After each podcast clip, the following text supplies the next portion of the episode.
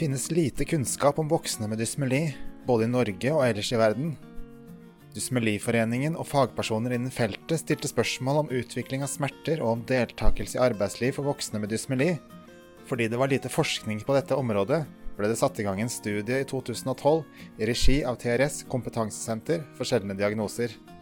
Jeg har snakket med to av de som er ansvarlig for studien, ergoterapeutene Heidi Johansen og Trine Baten på TRS, om innholdet i studien og hvilke resultater den har gitt.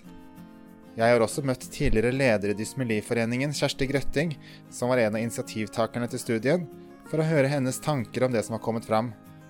Du hører på TRS-podkasten. Mitt navn er Bendik Fjelstad, og jeg jobber som kommunikasjonsmedarbeider på TRS.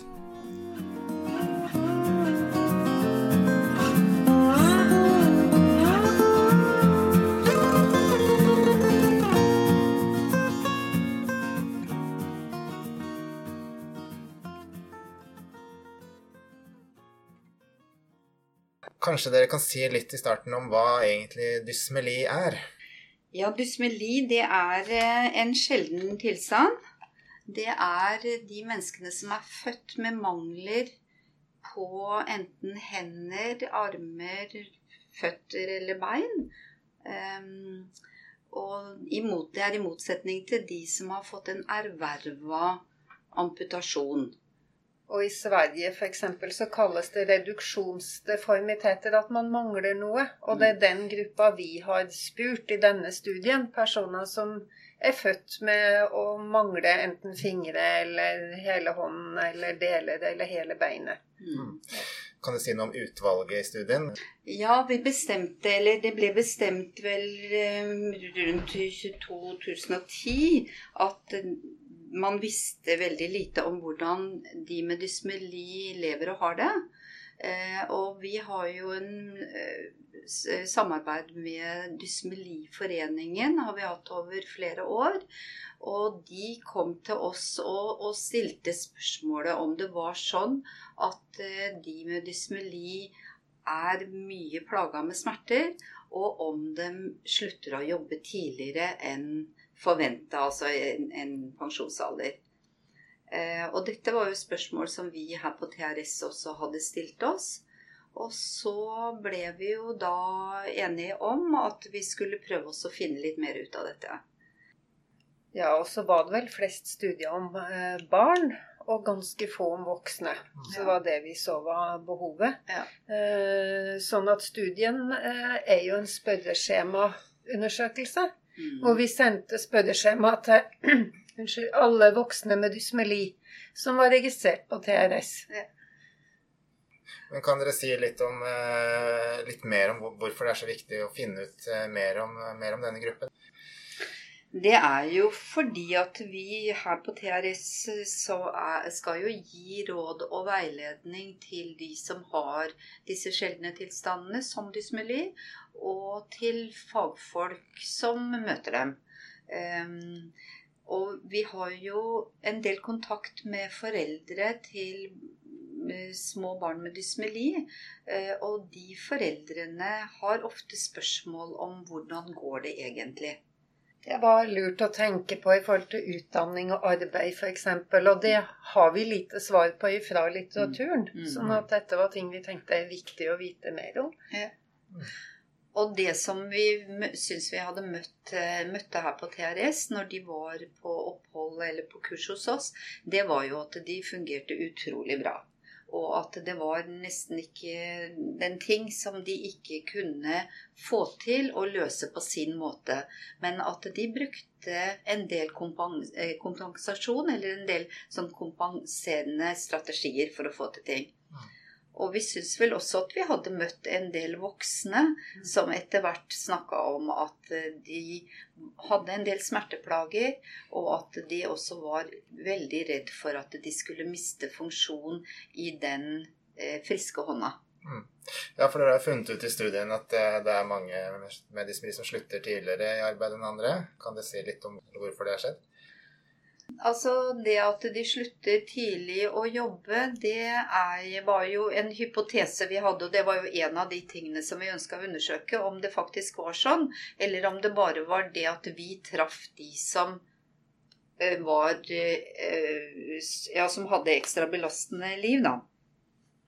Men det viste seg jo at det var Det er mange som slutter, eller mange og mange. Det er en del flere enn i befolkningen ellers som slutter tidligere, tidligere eller slutter å jobbe før de når vanlig pensjonsalder. Og hva er grunnen til det? Og det var jo en av de tingene vi har prøvd å finne litt ut av. Og vi har jo det som kommer fram i analysene og svarene fra spørreskjemaet, det er jo at det er størst sjanse for å være i jobb hvis du er ung, og hvis du har god fysisk helse. Og det er jo veldig selvfølgelig at det er sånn det er. Og noe særlig mer enn det vet vi jo ikke.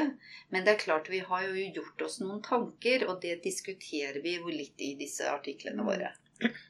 Og det vi jo også fikk svar på, er jo at det er mange som sier at de ikke har hatt noe tilrettelegging i jobben sin. Eh, og mange har ikke tenkt så veldig mye over dysmelien i forhold til hvilket yrke de har valgt. Eh, så det kan jo være faktorer som spiller inn, selv om ikke analysene våre viste det. Vi tenker oss jo at flere kanskje ville ha nytte av tilrettelegging i jobb, og da kunne stå lenger i arbeid. Mm.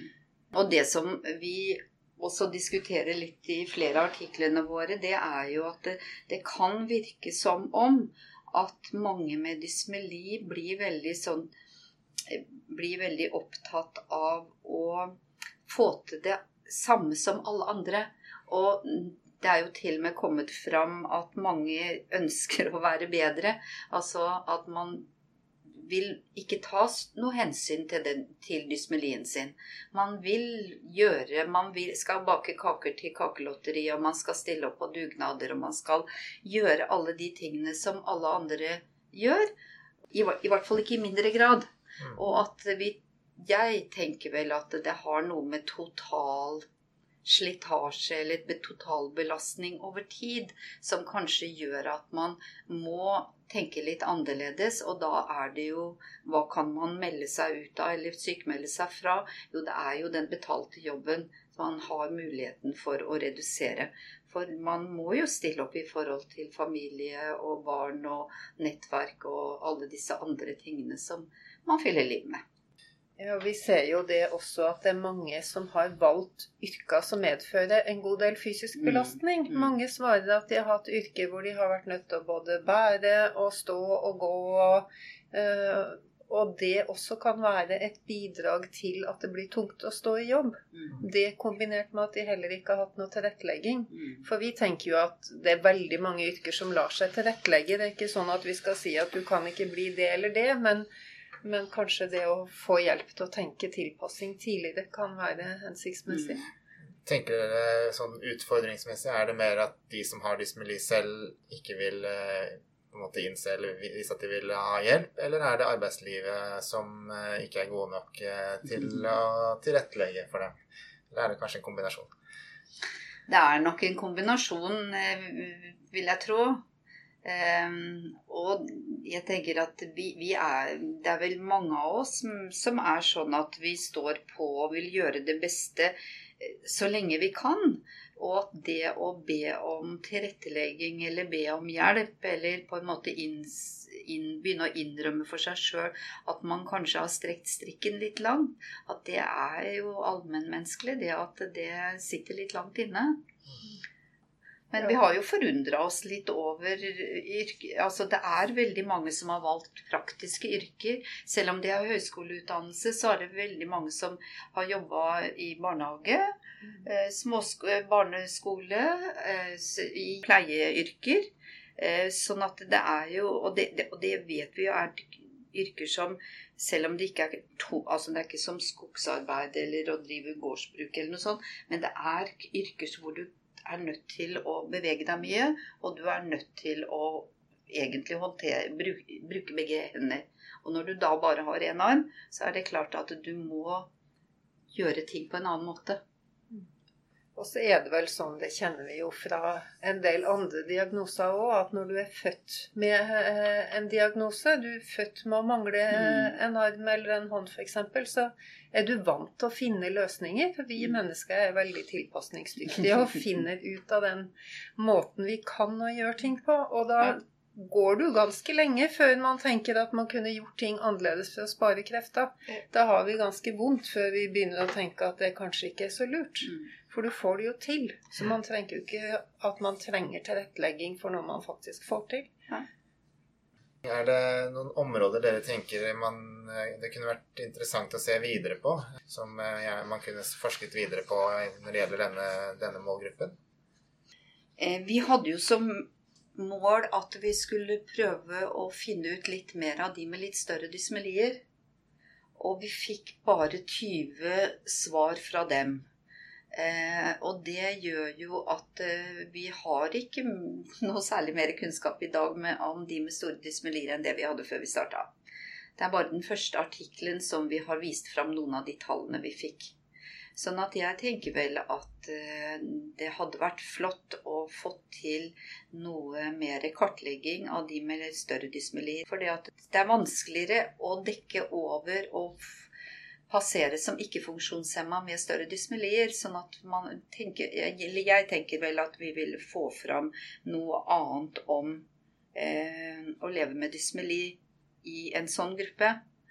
En annen ting er vel at vi har også lite kunnskap om disse syndromene som også har i seg dysmeli som en av, av symptomene.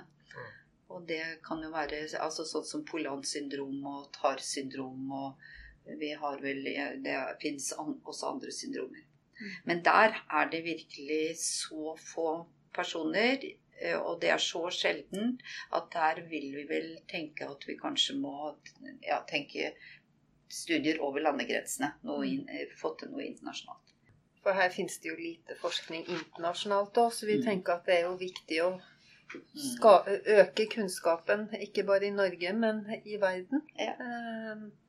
Og så tenker jeg at denne gruppa som vi har undersøkt, er jo en liten gruppe. Sånn at den sier jo ikke nødvendigvis noe om hvordan alle voksne med dysmeli i Norge har det. Nei. Så vi må være litt forsiktige med å trekke de funnene for langt òg. Og vi Mm. vet vel om bare en to-tre andre studier om voksne med dysmeli og arbeidslivsutfordringer som eh, er gjort ellers i verden. Mm. Så jeg tenker det trengs jo mer forskning om den gruppa generelt.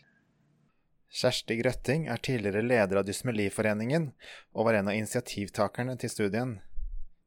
Jeg møtte henne på arbeidsplassen for å høre hennes kommentarer til studien og hvilke tiltak hun mener er viktige for voksne med dysmeli i arbeidslivet. Hun har mange tanker om hvorfor det har vært lite fokus på denne gruppen, og hvorfor det er viktig med mer kunnskap.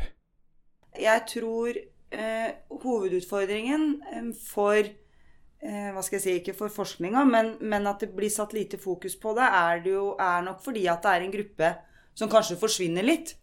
Eh, stort sett så klarer de fleste seg med dysmeli eh, noenlunde bra. Og så ender gruppa opp litt sånn i ingenmannsland. Eh, det er en liten gruppe. Eh, og så tenker jeg jo at det man skulle ha ha hatt fokus på der, er jo gjerne det vi egentlig nå går rundt og synser om. Ikke sant? For vi lager våre egne sannheter fordi at det fins så lite forskningsmateriale vi kan lese oss opp på. Og så blir man at man sammenligner seg kanskje med noen grupper som er litt nære en selv, men det betyr ikke at det er fakta for den gruppa. Så den synsinga, den tror jeg vi, vi om ikke er blitt eksperter på, er blitt veldig gode på. Og det er nok med på å skape en, en norm og en holdning som kanskje ikke er helt riktig. Så derfor så tror jeg det å bruke spesielt voksne som litt sånn forskningsmateriale, tror jeg kan være eh, kjempeviktig for generasjonen som kommer etter. Fordi at vi vet så lite, så egentlig her så kan vi få svar på veldig mye. I studien eh, så er det jo mange som rapporterer om både nedsatt livskvalitet og kroniske smerter. Har du noen tanker på hva man kan gjøre for å, for å bedre Eller for for, for, For det bedre. Ikke for å bli kvitt det, men for, for, for, for ja, I typisk møte med arbeidslivet er det jo mange som sliter seg ut. Eh, hva, hva slags tiltak kan man gjøre for å, for å bedre det? Ja, eh, det er, det er nok også igjen, tror jeg, litt todelt. For det første så, så er det nok eh, Valg av yrke har en stor betydning. Hva du velger å jobbe med, og hva slags plan du har framover, tror jeg er med på å påvirke livskvaliteten din, og også den smerten du skal leve med. Eh, men har du først valgt en retning, så er det ikke det at det er, altså du kan jo for så vidt eh, snu om helomvende 360 grader om du vil det. Men jeg tror det å ha en plan når du først har valgt en vei, så må du også være klar over hva det innebærer. Eh, jeg tror nok veldig mange med dysmeli ikke velger med hjernen. Misforstå meg rett, men velger litt med hjertet. Det er dette jeg har lyst til å jobbe med. Jeg har lyst til å gjøre det sånn. Og i den livssituasjonen du da er i når du tar et valg, så fungerer kroppen bra. Og så tenker du ikke da konsekvensen 10-15-20 år fram i tid. Eh, og jeg skal ikke si at eh, jeg har vært noe god på dette sjøl. Jeg har vært flaks og har endt opp i et yrke, yrke som i utgangspunktet betyr at jeg ikke har noe fysisk eh, jobb. Det blir meg og PC-en. Fungerer bra med én arm og også et bein. Men det er klart, valget du tar, er med på å påvirke det. Så når du først har tatt det valget, så står du jo på en måte i det, og den livskvaliteten og de smertene du da opplever eh, Jeg skal ikke si at, at smertene ville ha kommet, men jeg tror vi med hånda på hjertet kan si at de aller fleste med dysmeli på et eller annet tidspunkt i livet opplever kroniske smerter. Og så er det hvordan man håndterer det. Og jeg tror at det viktigste, og det har jeg eh, tenkt på sånn seinere Jeg har vært veldig dårlig på det sjøl, men, men, en viktig ting for å sørge for å ha smerten litt sånn i balanse, er trening. Man kommer faktisk ikke unna det. Jeg tror også fysikalsk behandling er med på å redusere litt av den kroniske smerten. Men jeg tror du som individ er nødt til å innse at det, de kroniske smertene forsvinner aldri. Du må bare finne en måte å leve med dem på. Og så må du være kjempeflink, tror jeg, til å være selektiv på hva du gjør. Du må tørre å si, spørre om hjelp, og du må heller ikke være redd for å ta imot hjelp. Når folk sier 'skal jeg hjelpe deg', så gjør, ta imot det. Bare den biten der med å lette hverdagen din litt med sånne småting, er med på at sånne kroniske smerter faktisk ikke, i hvert fall i min, min hverdag, ikke får blussa opp. Det at jeg er flinkere på å si Nei, vet du hva, jeg skal gå til bussen nå, men jeg må gå den veien, for jeg tør ikke å gå sånn som her på Lysaker, hvor jeg er. Så er det en vei som er kjempeglatt. Den går ikke jeg. For den er kortere. Men jeg vet at det er en så anstrengende jobb for kroppen min å gå der, at den unngår jeg. Så da må jeg heller gå den omveien. Så når jeg skal gå med kollegaer hjem fra jobb, så må jeg si at det kan vi gjerne gjøre, men da må vi gå den lange veien. Og det er bare sånne småting som jeg tror er med på å gjøre hverdagen enklere, men man må sjøl være bevisst på dem. Og det er det å være veldig sånn strukturert og notere seg sånne ting, det tror jeg ja, er med på å lette litt av, av kanskje de, de smert, hverdagssmertene, da, for å si det sånn. Tenker du kanskje at eh, noen overvurderer litt av hva de kan få til, eller, eller Ja. undervurderer eventuelt av Spesielt hvilke smerter de får? jeg tror nok man blir veldig sånn eh, Hva skal jeg si Man tar eh, Og det vet jeg jo mange sier at de er klar over at ok, hvis jeg gjør dette, så får det en konsekvens. Men den konsekvensen kan jeg leve med. Problemet er bare hvis du gjør dette for mange ganger, så blir konsekvensen litt mer permanent. Og det er der jeg tror man overvurderer på en måte sin egen både smerteterskel og sin egen eh, vilje og styrke. Fordi at det er klart man får det til, men er, er det verdt det, på en måte? Prisen i andre enden kan være ganske stor. Og jeg tror det å sette seg ned og være eh, Og som ung voksen er dette kjempevanskelig. Fordi at du bryr deg ikke. Ikke sant? Det er ikke det som er fokus. Men jo eldre du blir, så er du nødt til, tror jeg, ha, ha ja, et stort fokus på dette. Det er rett og slett fordi at det kommer et år neste år òg, og et år etter der òg. Og, og det å vite da at ok, dette takler jeg, dette er ikke spesielt lurt. Så, så overvurdering av egen prestasjon når man er ung, det tror, en, det tror jeg nok mange av oss har betalt en pris for som litt sånn eldre voksne. Mm. Ja, det ene er jo det personlige ansvaret, på en måte, eller det du skal gjøre selv. Men, men hva tenker du om eh, med arbeidsgiver eller arbeidslivet, hvordan de kan klare å tilrettelegge bedre for, eh, for personer med dysmeli? Ja, igjen da, så, så, så peker jo jeg litt på oss selv. For det er veldig, veldig vanskelig for arbeidsgiveren å vite hva eh, arbeidsgiveren faktisk kan gjøre for deg som individ. Så eh, selv om veldig mange gjerne skulle ønske at arbeidsgiverne kom og ga og stilte, og, og stilte spørsmål og, og tilrettela, så tror jeg at vi som enkeltindivider er nødt til å være såpass ærlige og åpne med arbeidsgiveren og si at dette fikser jeg, dette fikser jeg ikke. Og det er klart at jo mer transparent og åpen du er som individ, jo enklere er det faktisk for arbeidsgiveren å stille opp.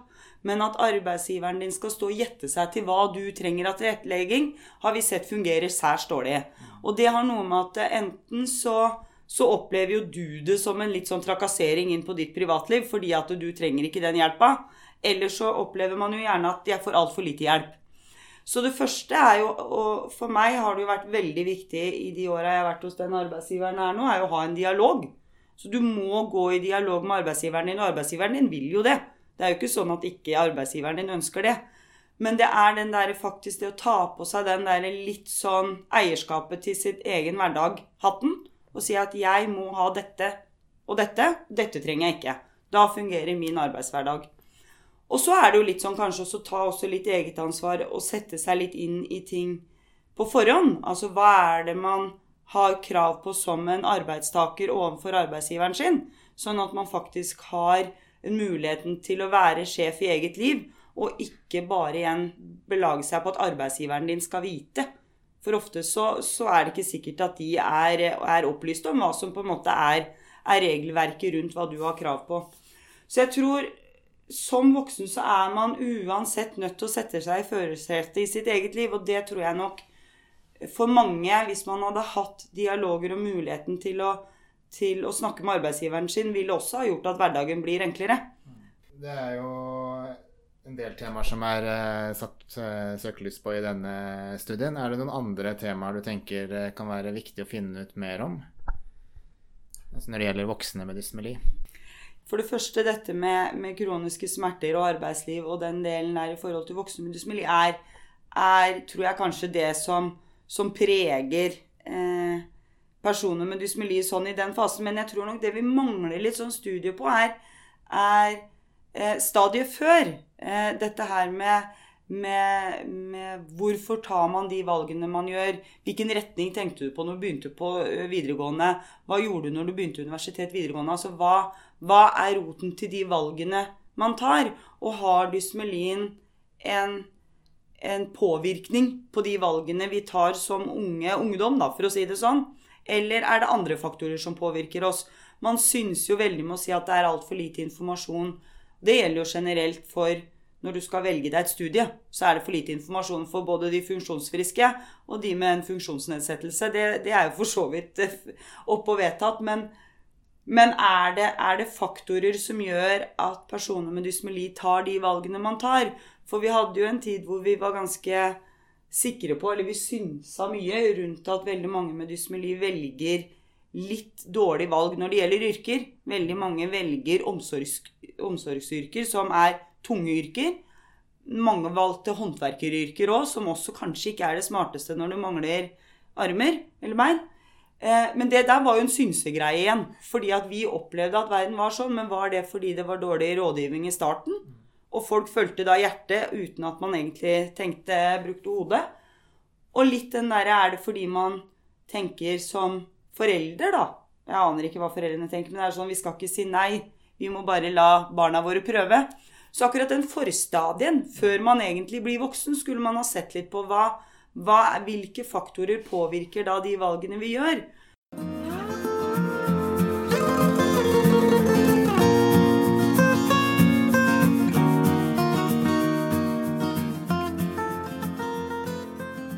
Du kan lese mer om studien under overskriften 'Forskning og prosjekter' på våre nettsider sunnaas.no trs der finner du også artiklene som er skrevet om funnene i studien.